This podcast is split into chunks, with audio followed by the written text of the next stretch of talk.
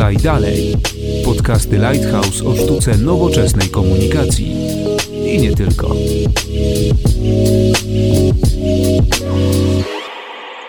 Dzień dobry, Konrad Domański. Zapraszam na 27 odcinek podcastu Lighthouse Podaj Dalej. Tak się składa, że podczas ostatniego odcinka, nagrywania ostatniego odcinka, byliśmy w trakcie trwania dużej imprezy.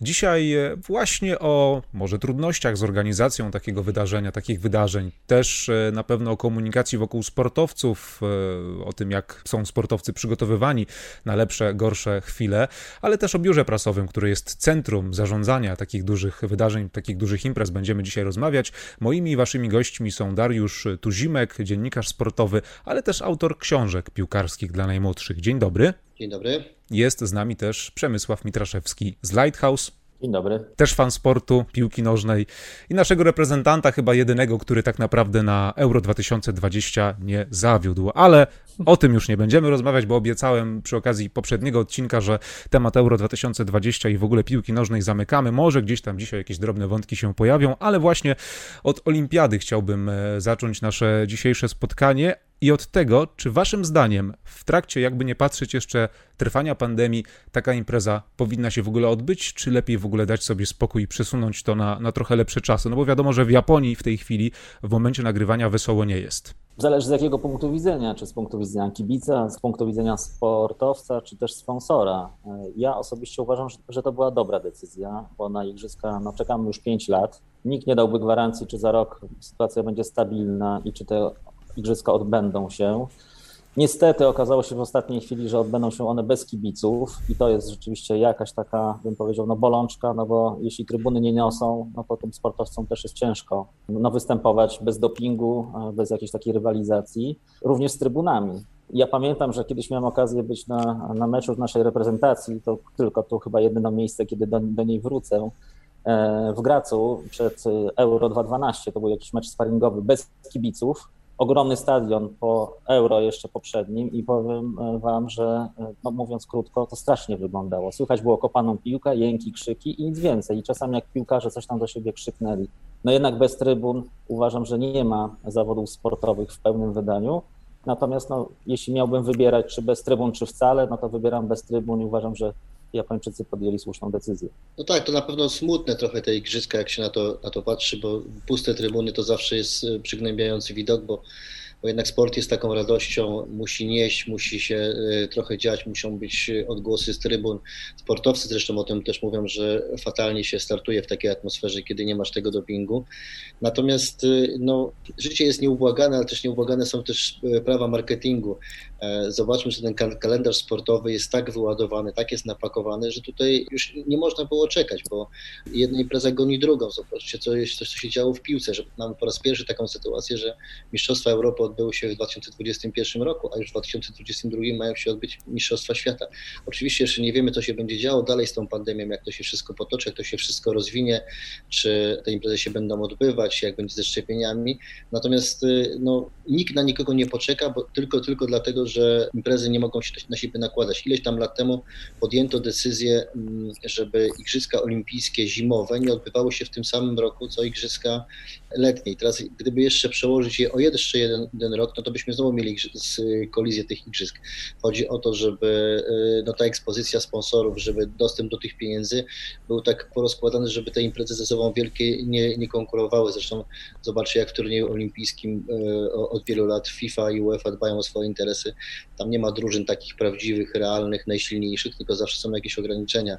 Tak? A to y, jest ograniczenie właśnie wiekowe, były mistrzostwa do lat 21, do lat 23, potem można było wziąć jednego piłkarza, czy dwóch piłkarzy, czy trzech piłkarzy starszych, którzy mają już jakieś występy, żeby ten turniej uatrakcyjnić, no ale on jednak nie jest e, cały czas wolny. Czyli tutaj te interesy finansowe są, są zawsze e, najważniejsze i myślę, że też te interesy finansowe, też e, zaangażowanie sponsorów, którzy już ponieśli wielkie, wielkie koszty, no, było takie, że, że trzeba było te, te igrzyska zrobić i nikt, nikt, nikt by tutaj nie, nie chciał czekać. Myślę, że to była po prostu konieczność. Też nie zazdroszczę sportowcom, no bo ile razy można celować w formę. Tam mieli trafić w ubiegłym roku, teraz w tym roku i nagle by się dowiedzieli, że muszą poczekać kolejny, kolejny rok, więc na pewno dla nich to również jest wyzwanie. Ja miałem okazję rozmawiać z osobą, która była na Igrzyskach w Tokio z akredytacją, no i powiedziała, że na tak smutnej imprezie to jeszcze sportowej jeszcze nie była. To też pewnie wynika z tego, że i Japończycy są, że tak powiem, zero-jedynkowi i to nie jest natura słowiańska i fantazja, że na pewne rzeczy można przymknąć oko, coś zrobić po swojemu. Tam jeśli jest reżim, to on jest egzekwowany w 100%. I to też być może powoduje, że tam nie można pójść nigdzie samemu, nigdzie nie można pójść bez pozwolenia i poruszamy się tylko po ściśle określonych ścieżkach z opiekunem. To pewnie też powoduje, że no, jakby bez tej swobody, bez tej jakichś emocji pozytywnych, ta impreza wygląda zupełnie inaczej. Tak, ale też zwróćcie uwagę, że no chyba to jest najlepsze miejsce faktycznie do organizacji takiego wydarzenia mimo pandemii, bo ta zero-jedynkowość Japończyków sprawia, że rzadko bardzo słyszymy o jakichkolwiek przypadkach wykrycia koronawirusa u sportowców, którzy są na olimpiadzie. Ta bańka jednak, w której się znajdują, no sprawia, że są bezpieczni, są odizolowani od świata i dzięki temu te igrzyska w ogóle się odbywają i, i nie ma jakichś wypaczonych wyników, no bo jednak ci, którzy są, startują, tam wiadomo, jakieś sporadyczne sytuacje się zdarzały, ale, ale tego nie ma. Zamykając może temat samej organizacji Japończyków, jak dobrze wspomniałeś, słowiańska fantazja trochę wyszła przy okazji polskich pływaków, e, bo to jest coś, co no, rozgrzało wszystkich kibiców już na początku olimpiady, no bo wysyłanie zawodników, którzy nie mają pewności co do startu, a później jeszcze, jak się dowiadujemy, tam braki formalne jakieś w ogóle były, no to nas stawia w bardzo złej pozycji jako e, reprezentację, która jak widać po medalach naprawdę fajnie sobie radzi w lekkiej atletyce, no ale jednak gdzieś poszło w świat jak to Polska się przygotowała w, konkretnie w pływaniu na igrzyska. No rzeczywiście ten chaos, y, y, jaki, jaki się wdał na początku, to to była taka, taka katastrofa też wizerunkowa, mi się wydaje, PR-owa ze y, Związku Pływackiego, ale też e, PKO nie bardzo sobie umiał z tym, z tym poradzić. Na początku no nie było kogoś, kto by się za posprzątanie tej sprawy tak uczciwie zabrał. E, najpierw takie długie wyczekiwanie, że może coś się jednak uda załatwić, e, próby odwołań. No takie to było polskie rzeczywiście, czyli coś zawaliliśmy i zrobiliśmy nieprawidłowo, potem nie było winnego, potem związek się pływacki tłumaczył, że on ma sukcesy y, na innych polach, czyli odpowiadał na pytania zupełnie niezwiązane z tym, z tym tematem. No rzeczywiście y, przykrość dla tych, dla tych sportowców, którzy przygotowywali do, do igrzysk, polecieli tam i z powrotem musieli wrócić. No naprawdę wielki dramat sportowy i, i osobisty.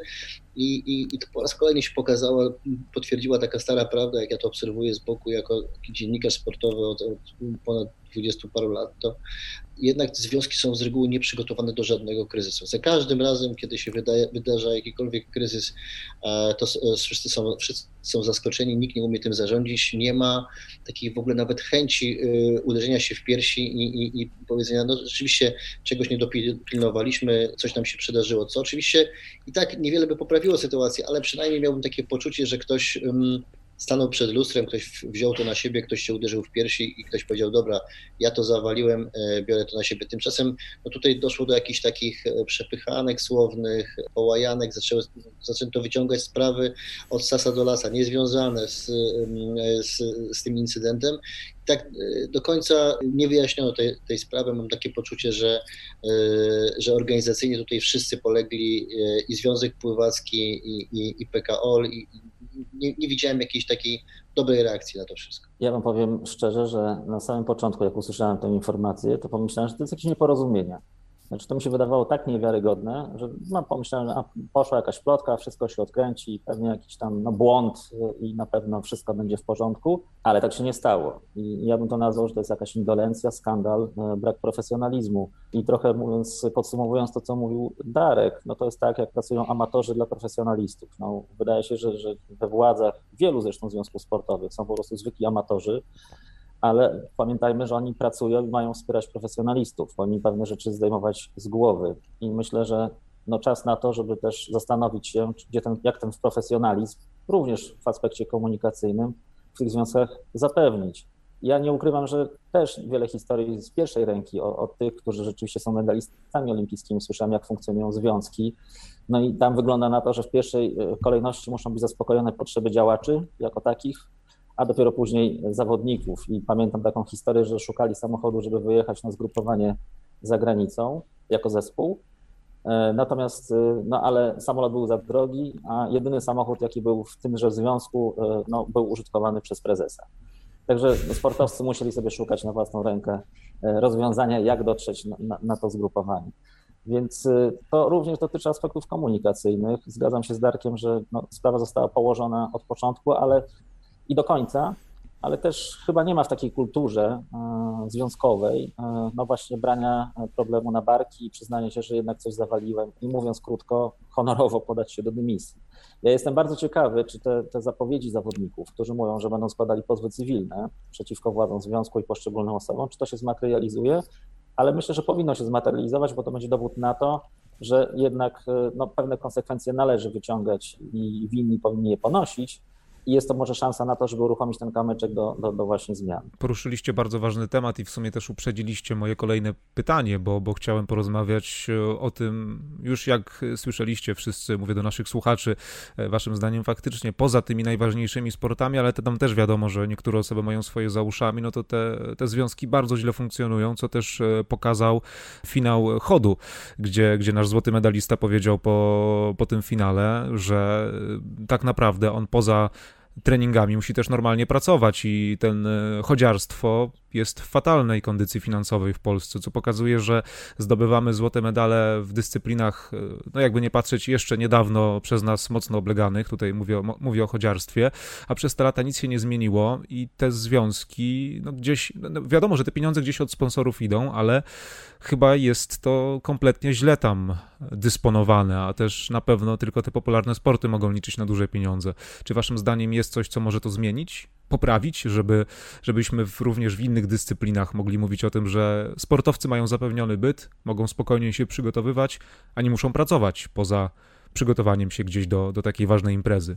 W polskim sporcie jest taka niestety zła tradycja tego, że generalnie się nie podnosi odpowiedzialności za swoje decyzje. No mamy tutaj, mówimy o tym Związku Pływackim, ale takich decyzji było e, więcej w, w, historii, w historii polskiego sportu, gdzie potem no, ktoś coś zawalił, ale generalnie rozeszło się po kościach. E, to nie jest tak, że, że potem jakiś prezes, działacz czy, czy konkretny sportowiec nawet poniósł konsekwencje. Mieliśmy nawet takie historie, że, że gdzieś tam znaleziono leżącego jednego z, z działaczy, chyba bodajże to było Igrzyska w Sydney, z tego co pamiętam, leżącego na, na trawniku rano, tak się bardzo zmęczył e, e, tym, co robił w nocy i, i odnaleziono go w stroju, w tym naszym e, oficjalnym stroju olimpijskim, więc wiadomo było, kto to jest. No, nie, nie miał numeru rejestracyjnego, co prawda, tak jak samochód, ale wiadomo było, skąd jest człowiek i, i była afera. I, I, takich rzeczy, gdyby po, popatrzeć na, na, na historię polskiego sportu, było, było dużo. Moje doświadczenia są takie, że poza tymi kilkoma najbardziej popularnymi dyscyplinami, takimi jak piłka nożna właśnie, jak dosyć mocna Polsce siatkówka, jak e, e, sporty zimowe, takie jak e, no właśnie skoki narciarskie. Tam są dosyć duże pieniądze do, do, do podniesienia i tam jest przy tej organizacji trochę się ludzi kręci. Natomiast w tych wszystkich innych sportach, z których jesteśmy tak bardzo dumni, a my jesteśmy z tych sportów dumni raz na 4 lata, kiedy się odbywają, odbywają igrzyska, to to wszystko spoczywa na głowie tych pojedynczych sportowców. Tak? Oni oczywiście mają e, swoich sponsorów, mają mecenasów, mają, mają jakieś tam sztaby, które wokół nich działają, natomiast to nie jest tak sprofesjonalizowane jak w sporcie na przykład e, amerykańskim.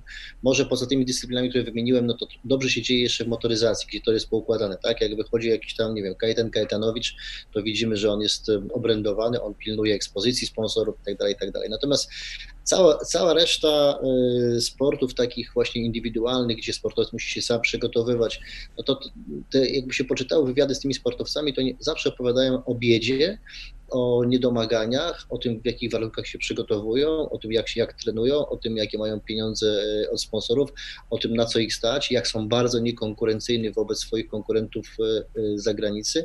I to jest taki, mm, to jest myślę, myślę problem polskiego sportu, bo my sobie też o tych sportach, no, bądźmy szczerzy, nie zajmujemy się chodziarstwem przez te 4 lata, tylko jak się nagle okazuje, że jest medal, to wszyscy, a to w chodziarstwie też jest źle, o jaka szkoda, no i, i tak dalej. I, i, gdybyśmy tak popatrzyli, to, to to wiele takich dyscyplin mamy i niestety, niestety to zależy tylko i wyłącznie od tego, czy ten sportowiec ma wokół siebie jakąś silną ekipę, ma sprytnego, zaradnego, operatywnego menadżera bądź trenera i ma gdzie trenować. No, te historie się powtarzają co 4 lata, że ciągle słyszymy o tym, że ktoś nie miał warunków, ktoś nie pojechał, ktoś kogoś nie zgłosił i tak dalej, i tak dalej. Strasznie dużo amatorki jest w tym, w tym sporcie olimpijskim i my potem się dziwimy, że tak słabo tutaj było z medalami, przecież jak się te igrzyska zaczęły, to, to bardzo długo żadnego medalu nie zdobywaliśmy.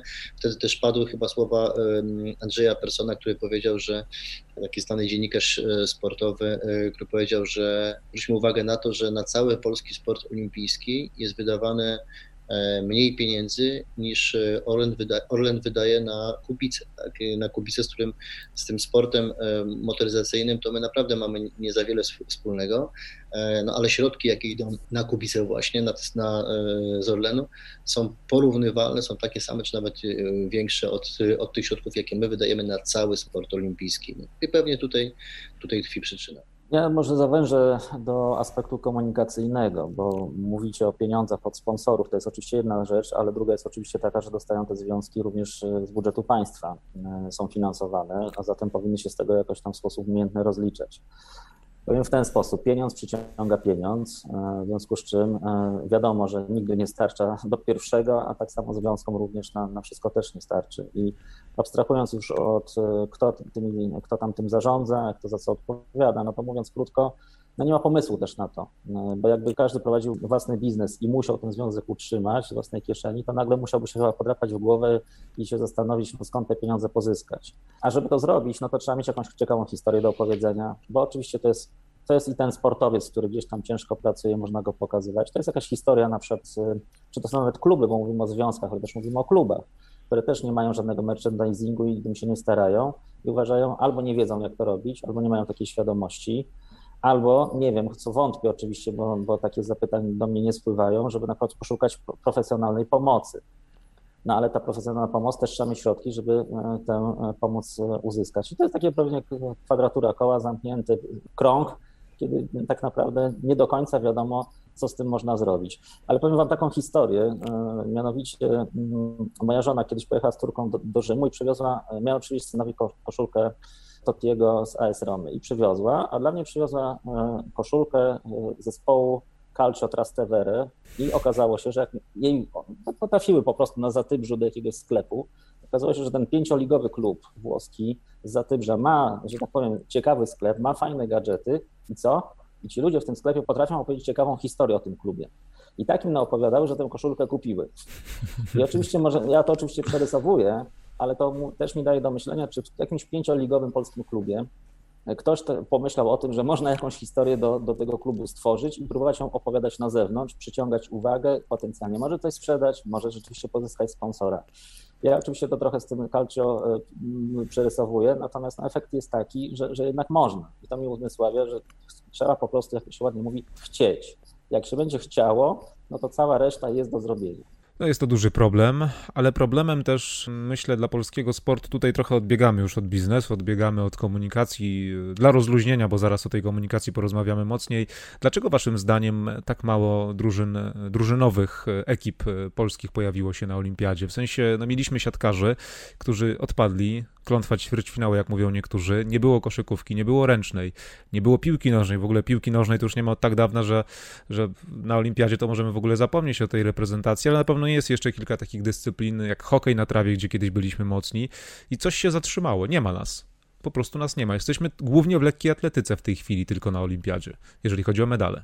Tak, to prawda, bo to najbardziej jednak największym rozczarowaniem jest, e, są ci siatkarze, prawda, bo e, no wiemy, że mamy topową drużynę, taką, która e, powinna się bić o, o medale i ze zdumieniem teraz przypominamy sobie, że ten ostatni medal to był, w, tysiąc, y, jeśli chodzi o siatkówkę, w 1976 roku w Montrealu e, i od tamtej pory y, nic, a przecież jesteśmy potęgą, wygrywaliśmy Ligę Światową i mamy naprawdę silny, y, bardzo silny, bardzo silny zespół. I okazuje się, że ostatnim medalem, jaki zdobyliśmy na Igrzyskach Olimpijskich w sportach drużynowych, to jest medal piłkarzy właśnie z 1992 roku z Barcelony, drużyny jeszcze Janusza Wójcika, co w ogóle brzmi jak jakaś tam prehi, prehistoria, no ale, ale to właśnie piłkarze jeszcze, jeszcze tam jakoś dawali radę.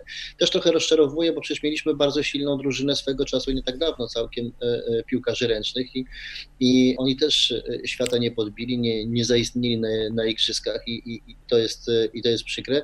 Rzeczywiście sporty, sporty zespołowe, one nie są naszą najsilniejszą stroną od lat na olimpiadzie. Nie mam prostego wytłumaczenia, nie, nie, nie umiem powiedzieć, dlaczego tak się, tak się do końca dzieje. No wiadomo, że w piłce nożnej to są te jeszcze ograniczenia, że to musi być drużyna de facto dobrze przygotowana drużyna młodzieżowa. Myśmy od dawna nie mieli dobrze przygotowanej drużyny młodzieżowej piłkarskiej, bo no, z tym szkoleniem młodzieży y, w, w naszych klubach to jest trochę słabo i cała polska piłka tym, ze szkoleniem młodzieży ma, ma problem. Później jak przychodzi do takiej weryfikacji, że trzeba pojechać jednak wystawić bardzo młodych ludzi, no to się okazuje, że my mamy dzisiaj silną dosyć reprezentację piłkarską, ale tych naszych piłkarzy to, to jest kamyczek do ogródka polskich trenerów, to jednak budują najczęściej trenerzy zagraniczni. Ci piłkarze wyjeżdżają w młodym wieku, tam z piłkarzy, którzy mają e, jakiś potencjał i, i, i, i, dają pewną nadzieję na przyszłość, ci dobrzy zagraniczni fachowcy robią piłkarze europejskiej klasy,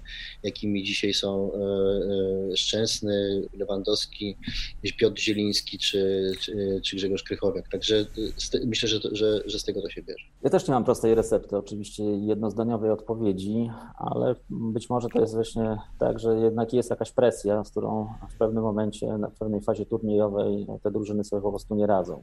Bo jak patrzyliśmy na siatkarzy aktualnych mistrzów świata, to poziomem sportowym powinni być w finale.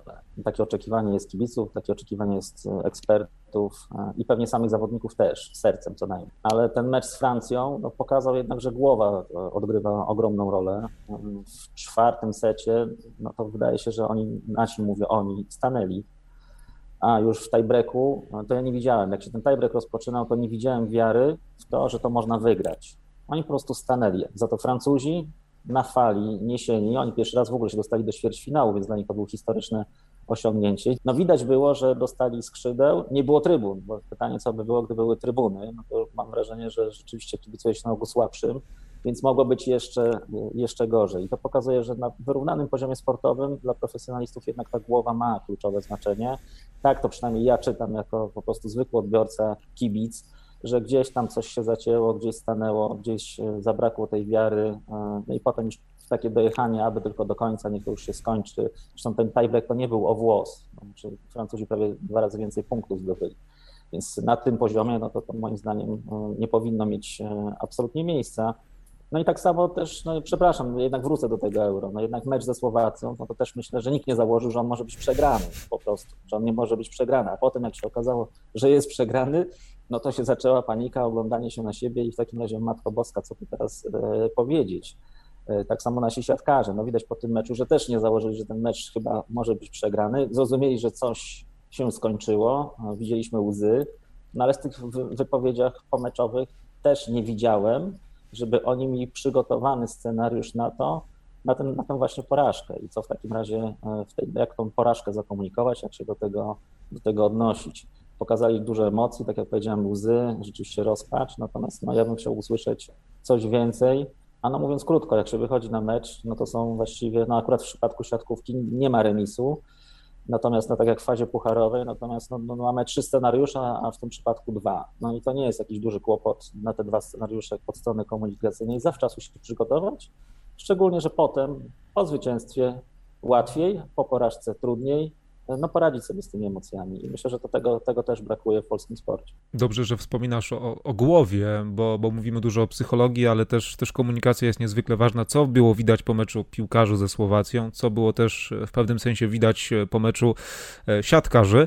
Jak to wygląda od kuchni? Może zdradzilibyście kilka takich smaczków, bo wiem, że mieliście doświadczenie w e, pracy e, nad, nad przygotowaniem e, sportowców, między innymi właśnie do, do takich ważnych wydarzeń, no bo wiadomo, że w dzisiejszych czasach mamy media społecznościowe, mamy presję dużą dziennikarzy, kibiców, no i trzeba być przygotowanym nie tylko psychologicznie, ale jednak PR też musi być, bo to później rzutuje po, po dużej imprezie. Przecież cały czas jeszcze kariera wielu sportowców dalej się toczy i trzeba być gotowym na te lepsze, gorsze chwile. Czy da się sportowca przygotować? A jeśli tak, to jak? Mi się wydaje, że te kwestie właśnie PR-owe to, y, to jest coś, co, co leży odłogiem i coś, czego, z czego sobie sportowcy nie do końca zdają sprawę, ale też jak patrzę na, na działaczy, na prezesów, na trenerów, to y, to, to jest y, tak daleko, gdzieś tak, w tak dalekiej kolejności odśnieżania, że tam, tam jest wieczna zima, to jest Syberia, to jest lodem i to nikt tego nie, nie rusza. I widzę wiele chęci, żeby coś w tym, tym kierunku zrobić, żeby PR-owo obudowywać sportowców, natomiast no najczęściej ja to widzę na, na przykładzie piłkarzy, to widzę, widzę, widzę jak, to, jak to wszystko funkcjonuje i no nie funkcjonuje niestety, niestety najlepiej. No, y, tutaj mówiliście o tym, że y, trzeba być przygotowanym i na porażkę, i na, i na sukces i najczęściej z polskimi sportowcami to jest tak, że nie są przygotowani ani na jedno, ani na drugie. Jak jest kryzys, to jest problem, jak jest sukces, to też jest problem.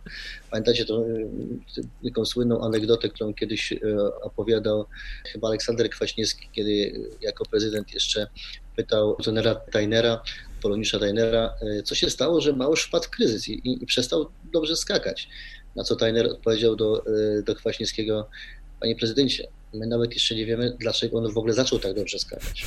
Więc, y, tu był taki, y, taki no to najlepiej pokazywało, jak my wszyscy, z tym wszystkim jesteśmy, to był oczywiście żart, ale, ale też pokazuje dobrze mm, taką rzeczywistość polskiego sportu. Jak patrzę na polskie kluby piłkarskie, no, prawie wszędzie jest jakiś PR y, menażer, ktoś, kto niby y, o, o tę historię dba, natomiast no to częściej się ogranicza do tego, że trzeba zrobić jakąś konferencję prasową, trzeba mm, jakąś aktywność z dziennikarzami przeprowadzić, takiej świadomej strategii komunikacyjnej, no nie wiem, kto ma taką świadomą strategię komunikacyjną, bo kiedykolwiek coś się wydarzy, to pierwsza reakcja jest taka, schowajmy się, nikogo nie ma, nie ma nas, może nas nie zauważą, może to się da jakoś przemilczyć, może da, może da się przetrwać gdzieś tam zakopanym pod, e, pod kamieniem. I to jest mm, przy każdego rodzaju e, kryzysie, bo przecież kryzysy były takie, że nie wiem, kibice e, pobili piłkarzy, albo kibice rozwalili tam jakiś stadion, albo kibice pobili kogokolwiek innych kibiców. Były kwestie kwestie mm, y, transferowe, były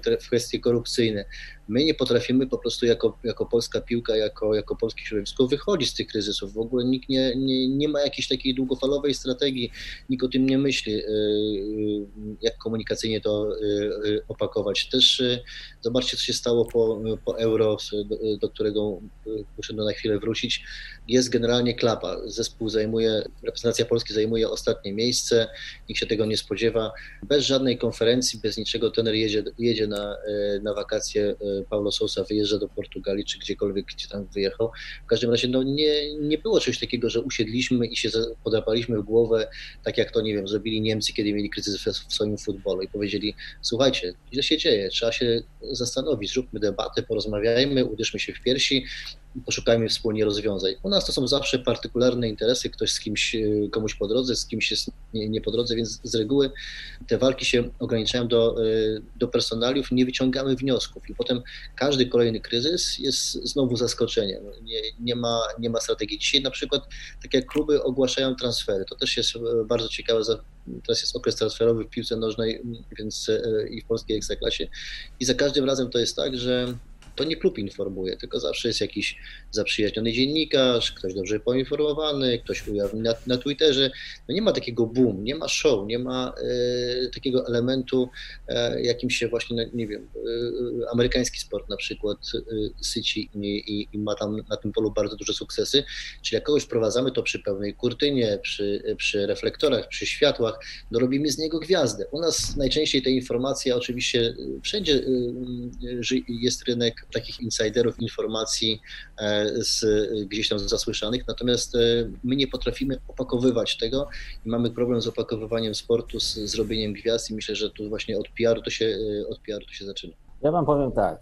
Uważam, że porażka jest wpisana, że tak powiem, z natury w życie każdego sportowca i tu chyba nikogo nie powinno dziwić. To nawet największy mistrz nie będzie za każdym razem wygrywał i ma momenty gorsze i lepsze. E, natomiast też no, w naszej tutaj e, mentalności jest tak, że my traktujemy porażkę jako no wiem, coś wstydliwego. Analogia do biznesu. Jak e, Amerykanin pyta, ile razy zbankrutowałeś i powiesz, że trzy razy, no to on to traktuje, że coś już o biznesie wiesz. I to jest, to jest na plus, bo gdzieś jednak spróbowałeś sił i zanotowałeś jakąś porażkę. W Polsce zadanie takiego pytania, ile razy zbankrutowałeś, to w ogóle jest czymś bardzo niegrzecznym, tak bym to powiedział. Odpowiedź, odpowiedź taka, że trzy razy zbankrutowałem, no to znaczy, że się dyskwalifikuje do prowadzenia biznesu. I zobaczcie, to to same pytanie, te same odpowiedzi, a różne, a różne interpretacje.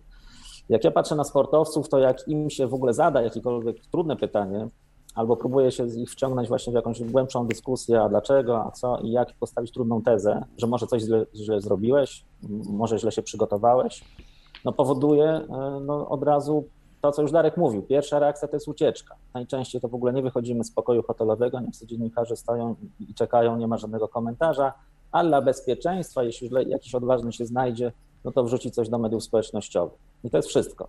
To jest, to jest jakby jedna rzecz. Druga forma, jaką obserwuję po stronie sportowców, no to jest atak. No to jest atak po prostu, że pierwsze, no w ogóle, no właśnie, tak jak z tym, jak tym śmiesz zadawać takie pytania. Jeśli to jest jakaś gwiazda, naprawdę gwiazda, no to dziennikarz oczywiście musi balansować, tak? Znaczy, bo jak zacznie go challenge'ować tego zawodnika, no to temu potem strzeli focha i powie, to ja już z tobą więcej nie będę rozmawiał, a tych, którzy chcą rozmawiać, no jest bardzo dużo. Więc w czym sportowiec wyklucza dziennikarza z kręgu tych, których o czymś tam informuje, z tym rozmawia, więc no, siłą rzeczy dziennikarz próbuje jakoś te, te, tak wyważyć, no, próbuje jakoś to, że tak powiem, na delikatnie pokazywać, że, że, że, coś jest nie tak. Kolejna rzecz no, są jakieś kalki słowne, których oni używają, e, dlaczego tam ktoś przeniósł porażkę, coś mu, się, coś mu, się nie, wysz, coś mu nie wyszło, i to jest ciągle te zdania, które gdzieś tam słyszymy, które są po prostu no, takimi komunałami, które słyszeliśmy już tysiąc razy i to niczego nam po prostu ani nie rozjaśnia, e, ani nie wnosi.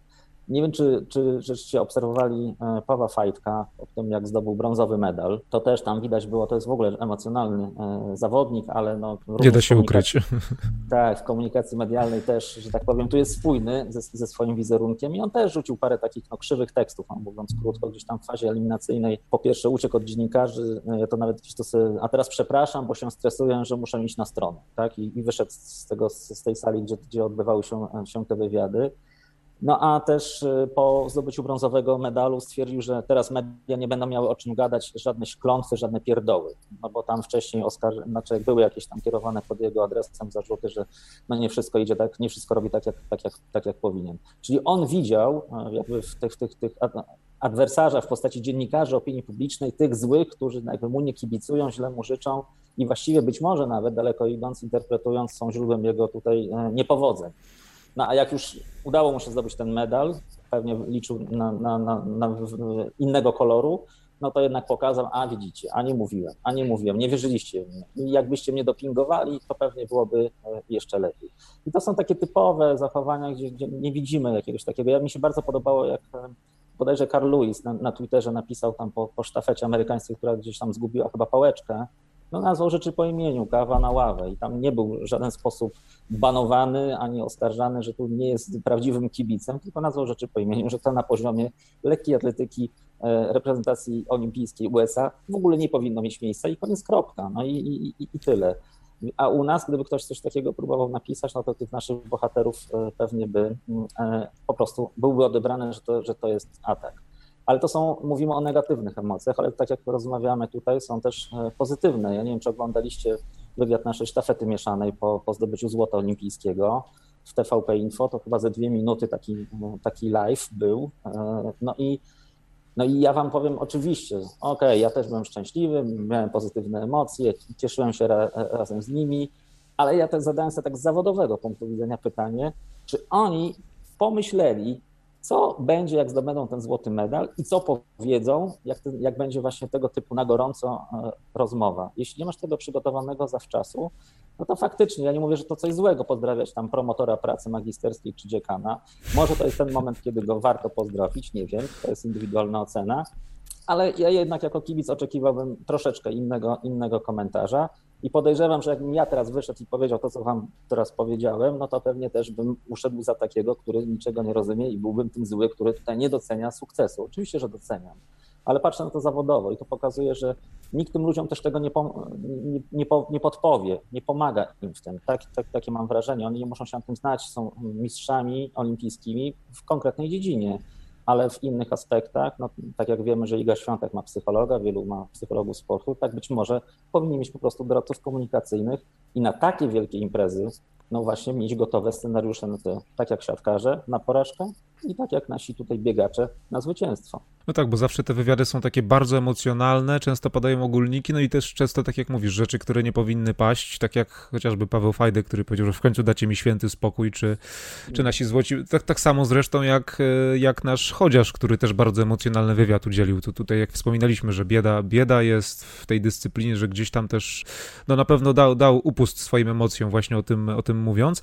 a jak już rozmawiamy o tym, że, że gdzieś jest ta presja opinii publicznej, że gdzieś dziennikarze wywierają presję, to nie macie takiego wrażenia, znaczy to często się pojawiają takie zarzuty, więc, więc coś musi być na rzeczy, że jeżeli dziennikarz jakiegoś sportowca bardzo lubi, to niezależnie od tego, czy ma coś na niego, czy, na, czy, czy, czy nie ma, czy generalnie no, mógłby mu dopiec, czy nie, no to tego nie zrobi, bo po prostu nie chce mu zaszkodzić. Czy jest waszym zdaniem trochę za dużo, między innymi w polskim sporcie, takich zależności między sportowcami, działaczami, dziennikarzami i, i po prostu jest trochę za, zbyt cukierkowo. Mówię też tutaj między innymi o tym, nie o olimpiadzie, ale też o piłce nożnej, bo tutaj głównie te zarzuty się pojawiają gdzieś w przestrzeni.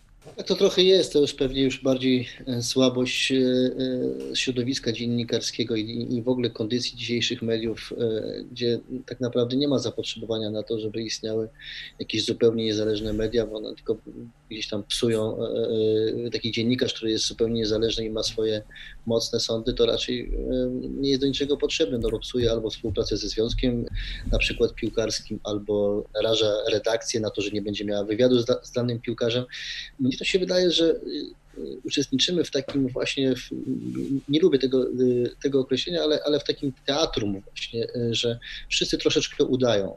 Udają, że jest zupełnie inaczej, że ja myślę sobie, że ten sportowiec zagrał wystąpił dzisiaj, czy piłkarz zagrał słabo, no ale nie mogę tak tego powiedzieć, bo on się na mnie obrazi. Więc jest takie lukrowanie rzeczywistości i, i niestety to to jest częste, szczególnie w transmisjach te, telewizyjnych, że, że próbuje się tłumaczyć tych naszych e, piłkarzy, próbuje się szukać jakichś um, usprawiedliwień.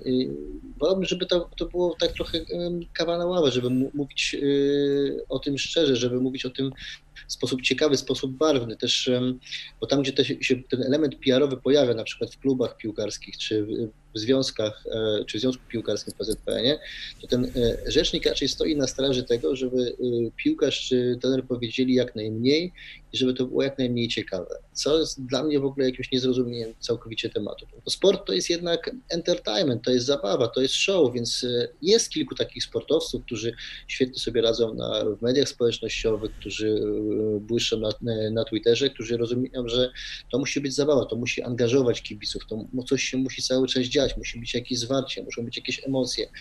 Natomiast rzeczywiście mm, e, w klubach często, żeby w obawie o to, żeby nie powiedzieli ci piłkarze zbyt dużo, troszkę się ich e, strofuje, troszkę się ich e, tak dehumanizuje od, od człowiecza, nie ma w tym takich, takich emocji. Ja już wolę takich ludzi, którzy właśnie coś nawet czasem palną, ale wiedział, że to jest autentyczne, że, że on tak czuje i wtedy jesteśmy w stanie jakąś tam niedoskonałość tej wypowiedzi, jakiś nawet błędy czy lapsusy wybaczyć, bo wiemy, że to jest e, autentyczne, że ten facet tak myśli i, i, i, i tak rzeczywiście czuje i, i on to ma, e, ma, ma, odwagę, ma odwagę powiedzieć, bo e, taka próba zmiany robienia z, ze sportowców, to są najczęściej młodzi ludzie, którzy mają no, proste zainteresowania, chcą dużo zarabiać, chcą żyć kolorowo, chcą mieć samochody, chcą mieć piękne kobiety, chcą się zabawić, chcą pójść do kasyna, mało tego, chcą się napić alkoholu, no, chcą żyć pełną piersią i on potem wychodzi i jest taki zupełnie inny niż, niż prywatnie. Niestety sportowcy nauczyli się mieć e, dwie twarze, e, mówię tu o polskich piłkarzach na przykład, i mówić co innego do mediów niż, e, niż myślą, myślą, myślą sobie na tak naprawdę w głowie. A to y, najczęściej takie zmienianie im osobowości na siłę przez tych e, takich amatorskich PR-owców, to trochę to, to, w ogóle nie ma sensu. To w ogóle nie ma sensu, bo to jest nieautentyczne, to jest nieciekawe, to jest nudne i rzeczywiście tych oklepanych komunałów nie da, nie da się słuchać. Tym bardziej, że ja wiem o, o, o, tych piłkarzach czy o tych sportowcach, że oni są ciekawi sami siebie. Tylko trzeba im, im dać rozłożyć skrzydła i troszeczkę, troszeczkę na tej pożeglować tak, tak pod pełnymi żaglami, a nie cały czas czas ich tam ściągać do ziemi. Ja pamiętam to chyba sprzed kilkunastu lat, jeszcze taką próbę właśnie cywilizowania, to było środowisko piłkarskie, zresztą z Darkiem się wtedy poznaliśmy i od tej pory mamy tutaj koleżeńskie relacje, natomiast to, nie wiem czy pamiętasz, to była praca z, z Orange'em i szkolenie dla wszystkich klubów ekstraklasy, jak komunikować się z mediami. To były ćwiczenia również praktyczne, ale mówiliśmy o podstawowych zasadach ale tu sponsor zdał sobie sprawę, że jeśli zawodnik ma na koszulce napisane Orange i staje na ściance, gdzie jest logotyp e, sponsora, no to miło by było, e, gdyby w tej setce pomeczowej no, powiedział coś, e, no, przynajmniej poprawnie po polsku. I rzeczywiście to była, to, była, to była ciężka praca. Jakby nie wiem, czy na tym poziomie, tak powiem, to jest obligo dla wszystkich, tutaj mówiąc krótko, zawodowych sportowców i mówimy tutaj o ekstraklasie, Natomiast takie ćwiczenia, no ja powiem krótko, no to jest part of the job. No, znaczy potem wyjście e, po meczu, czy też między meczami, bycie obecnym, dostępnym, no to jest element pracy z każdego sportowca i z tego też trzeba sobie e, zdawać sprawę, współczesnego sportowca, odpowiednie przygotowanie, nie tak jak tutaj rozmawiamy o tym, że to jest robimy z człowieka, sportowca zupełnie innego człowieka, który jest tak naprawdę, to musi być wszystko spójne. Ale mówimy też o PR całej drużyny, e, opowiadaniu pewnych historii, no, no, całkiem są fajne rzeczy, yy, pokazywane chociażby przy okazji reprezentacji, które pokazują dobrą atmosferę w drużynie, ale jakby tutaj też z drugiej strony wiemy, że nie do końca, nie do końca są to obrazki prawdziwe. To znaczy, oczywiście one są prawdziwe co do tego, co widzimy, ale czy oddają rzeczywistość, to pozostawia, pozostaje to wiele wątpliwości. Ja byłem wtedy zaskoczony przy tej naszej współpracy z piłkarzami, jak oni mało wiedzą o, o tym świecie, jak funkcjonują media, bo to było takie dla mnie, e, dla mnie zdarzenie, że nie wiedzą, że e, no jak się umówię z dziennikarzem i mu obiecam wywiad i on u siebie w redakcji obieca ten wywiad, ja mu go potem nie udzielę, ale nie dlatego, że mam jakiś ważny powód, tylko dlatego, że mam takiego focha albo muszę pojechać y, kupić sobie coś w Galerii Mokotów, no to to pokazywało, że, że ci sportowcy w ogóle nie rozumieją, nie rozumieją dziennikarzy, nie rozumieją ich potrzeb, nie wiedzą skąd się biorą ich nieporozumienia z dziennikarzami, dlaczego e, dziennikarz się na nich potem wyzłośliwia, dlaczego dziennikarz ma jakąś pretensję. Nie zdają sobie sprawy z tego, że są jakieś deadlines, że są jakieś godziny. Myśmy o tym rozmawiali, to, to była dla nich jak bajka o, o żelaznym wilku. Słuchali tego ze otwartymi buziami i byli zaskoczeni, że, że te media tak w ogóle funkcjonują. E, nie wiedzieli, co, co można, czego nie można, że jest e, prawo do autoryzacji swojej wypowiedzi. Nie wiedzieli, jak z tymi dziennikarzami funkcjonować. Nie wiedzieli, czy wa warto być szczerym, czy nie warto być szczerym, czy troszkę oszukiwać, czy się kreować. I co ciekawe, tak minęły, nie wiem ile to już, ze dwie dekady od tamtego czasu, kiedy tam to szkolenie się e, odbywało. Ja myślę, że nie jesteśmy wiele dalej, że jest, jest jeszcze gorzej pod tym względem, dlatego że dzisiaj weszły media społecznościowe i liczba wpadek, lapsusów, jakichś tam błędów popełnionych na tych mediach społecznościowych jest gigantyczna. No też to wynika z tego, że ci piłkarze nie są dobrze szkoleni e, pod tym względem komunikacyjnym, nikt im tego nie wyjaśnia, nikt nie, z nimi nie rozmawia, nawet jak rozmawiałem z reprezentantami Polski, to ja mówię, słuchaj, ale powiedz mi, po co dajesz takie zdjęcie, jakie dajesz na przykład, tak? To on zupełnie robił to nieświadomie. Oczywiście są takie przykłady jak małżeństwo e, państwa Lewandowskich, tak, gdzie, gdzie Robert, e, jak pokazuje rower, to ja myślę, że ja wiem, dlaczego on pokazuje dany rower e, i jak jego żona pokazuje, mm, nie wiem, dres pasuje do tego roweru, to mi się to jakoś to w całość układa. Natomiast wielu tych piłkarzy, nawet na poziomie reprezentacji Polski, no wrzuca coś na, na, na swoje profile i nie wiemy do, do końca, czy to są ambicje ich partnerek, czy to są, ktoś im to podpowiedział, żeby coś takiego wrzucić, wypowiedzi y, no, nieprzemyślane, a też nie prowadzące donikąd, bo y, wszyscy są zafascynowani, jakie pieniądze zarabia na mediach społecznościowych, na przykład Cristiano Ronaldo, ale tamte jego kampanie są przemyślane. On wie, co powiedzieć i, i kiedy powiedzieć. Y, wie, że kiedy trzeba się uderzyć w piersi, to się uderzy w piersi. Ja co prawda jestem człowiekiem starej daty, więc ja bym wolał, żeby na przykład jak reprezentacja zawodzi, to żeby Robert Lewandowski wyszedł do kibiców i powiedział to do kibiców, nawet do dziennikarzy, telewizji, to wtedy do nas poleci, ja będę słyszał i, i, widział, że mówi on to autentycznie, a nie, że to jest wpis na Twitterze. No ale już chociażby ten wpis na Twitterze trochę wyjaśnia sytuację, trochę po, pokazuje, że e, ktoś coś zrozumiał, tylko wtedy ja nie mam pewności z kolei jako, jako człowiek, który w tej branży pracuje ileś lat,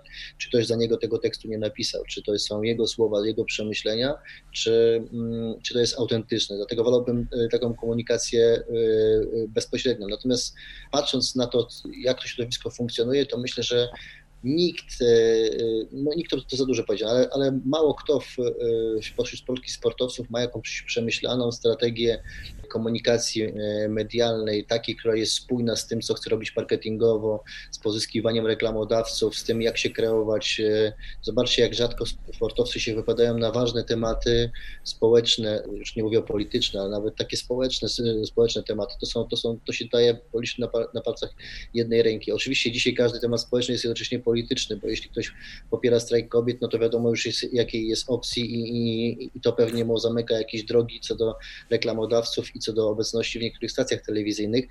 Natomiast e, nawet w kwestiach, nie wiem, ekologii, co by się wydawało, że jest e, dosyć neutralne politycznie, że można by się było wypowiedzieć, to też się takie wypowiedzi nie, nie pojawiają.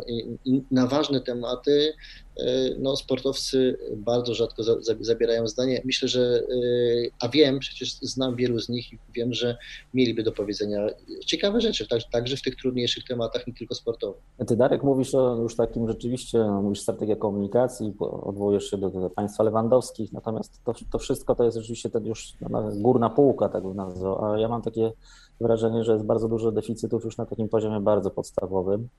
E, mówiąc krótko. Mówiliśmy o tym, że często sportowcy już na, na wysokim poziomie światowym to są młodzi ludzie, no, którym ktoś powinien podpowiedzieć, że warto by było jednak, warto by było przygotować się od strony komunikacyjnej, czyli co chcesz powiedzieć i jak chcesz powiedzieć.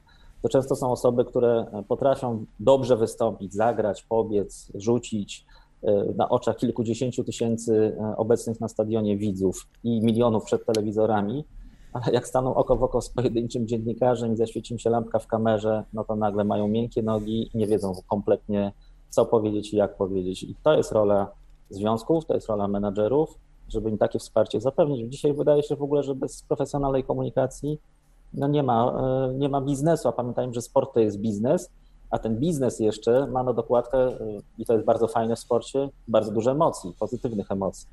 Więc no, bardzo jest tutaj dużo przestrzeni i stosunkowo to nie jest trudne żeby się dobrze do tego przygotować, no ale ktoś to musi jednak zrobić. Znowu niestety nie uda nam się poruszyć wszystkich wątków, które planowałem na nasze podcastowe spotkanie, bo, bo gdzieś tam jeszcze na początku mówiłem o biurze prasowym, czyli, czyli czymś bardzo ważnym w przypadku dużych imprez sportowych, ale myślę, że rozłożymy to na czynniki pierwsze w innym odcinku naszego podcastu, bo tutaj pewnie dobre 15-20 minut byście poopowiadali o, tym, tak. jak, to, jak to od kuchni wygląda, więc mam taką propozycję, byśmy już obiecali teraz naszym słuchaczom, że, że ten temat poruszymy e, niebawem w podcaście Podaj Dalej. A dzisiaj za, za rozmowę dziękuję naszym e, gościom. Przypominam, e, był z nami Dariusz Tuzimek. Dziękuję. Dziękuję bardzo. I Przemysław Mitraszewski. Dziękuję. Panowie, dziękuję bardzo. Do usłyszenia też w kolejnych odcinkach podcastu Podaj Dalej. Konrad Domański. Cześć. Spodobał Ci się nasz podcast? Podaj dalej i śledź naszą stronę oraz kanały społecznościowe.